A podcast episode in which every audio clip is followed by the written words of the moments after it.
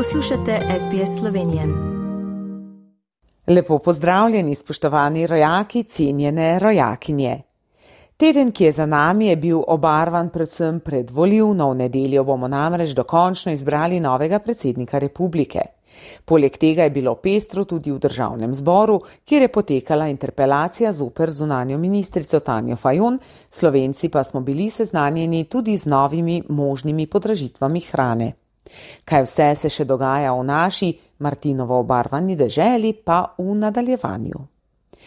Po zadnjih soočenjih, ki smo jih v drugem krogu predsedniške volivne kampanje videli, so ankete javnega mnenja pokazale, da ima kandidatka Nataša Pirc-Musar nekoliko prednosti pred kandidatom Anžetom Logarjem.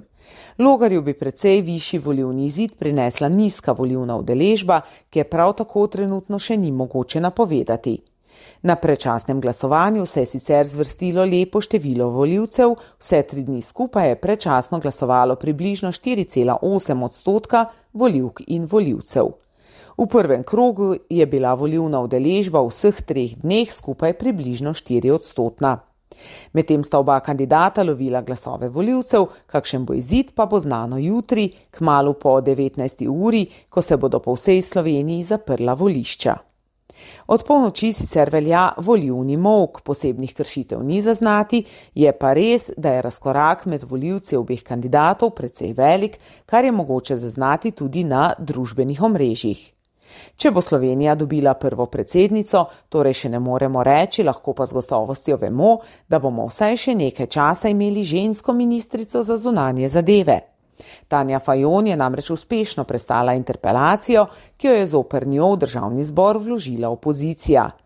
Zanesljivo večino so po 13-urni razpravi potrdili nadaljevanje mandata Fajonovi.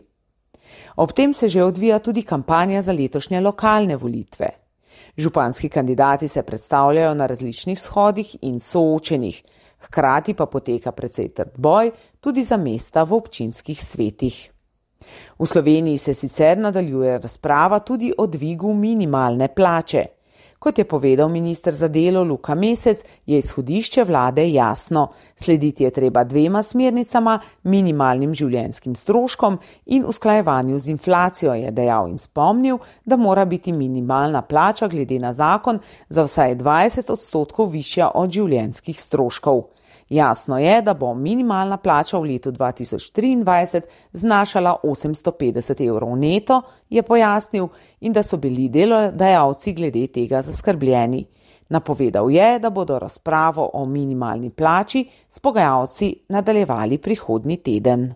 Ministrstvo za delo sicer želi v prvem koraku že novembra uskladiti minimalno plačo z novim zneskom minimalnih življenjskih stroškov in sicer za 5,49 odstotka na 1133 evra bruto oziroma 803 evra neto. V drugem koraku januarja pa namerava ta znesek uskladiti še z decembrsko medletno inflacijo. V zadnjih petih letih so nas kljub spremenjeni zakonodaji v rasti minimalne plače prehitele skoraj da vse novejše države članice Evropske unije.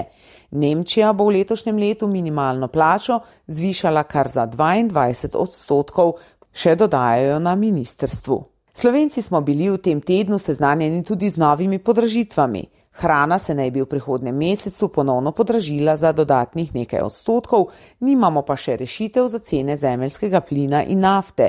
V tem tednu se je nekoliko znižala cena dizla, medtem ko benzin ostaja na enakem nivoju, kot je bil doslej. Dražile se bodo tudi cene vozovnic na slovenskih smočiščih, v povprečju med 5 in 10 odstotki. Če bi upoštevali dejansko potražitev energentov, bi bila cena tako visoka, da slovenska smočišča ne bi bila več konkurenčna, pojasnjujejo v Združenju slovenskih žičničarjev. Čeprav snega še ni na vidiku, niti zima se še ne napoveduje, niti v višjih legah ne. Letošnja jesen je radodarna s soncem, zadnji teden se je ozračje vendarle nekoliko ohladilo, tako da beležimo najviše dnevne temperature okoli 15 stopinj Celzija se pa nezadržno približujejo prazniki. Pred vrati je praznični december, ko se bo v mesta po dveh koronskih letih vrnilo praznično vzdušje.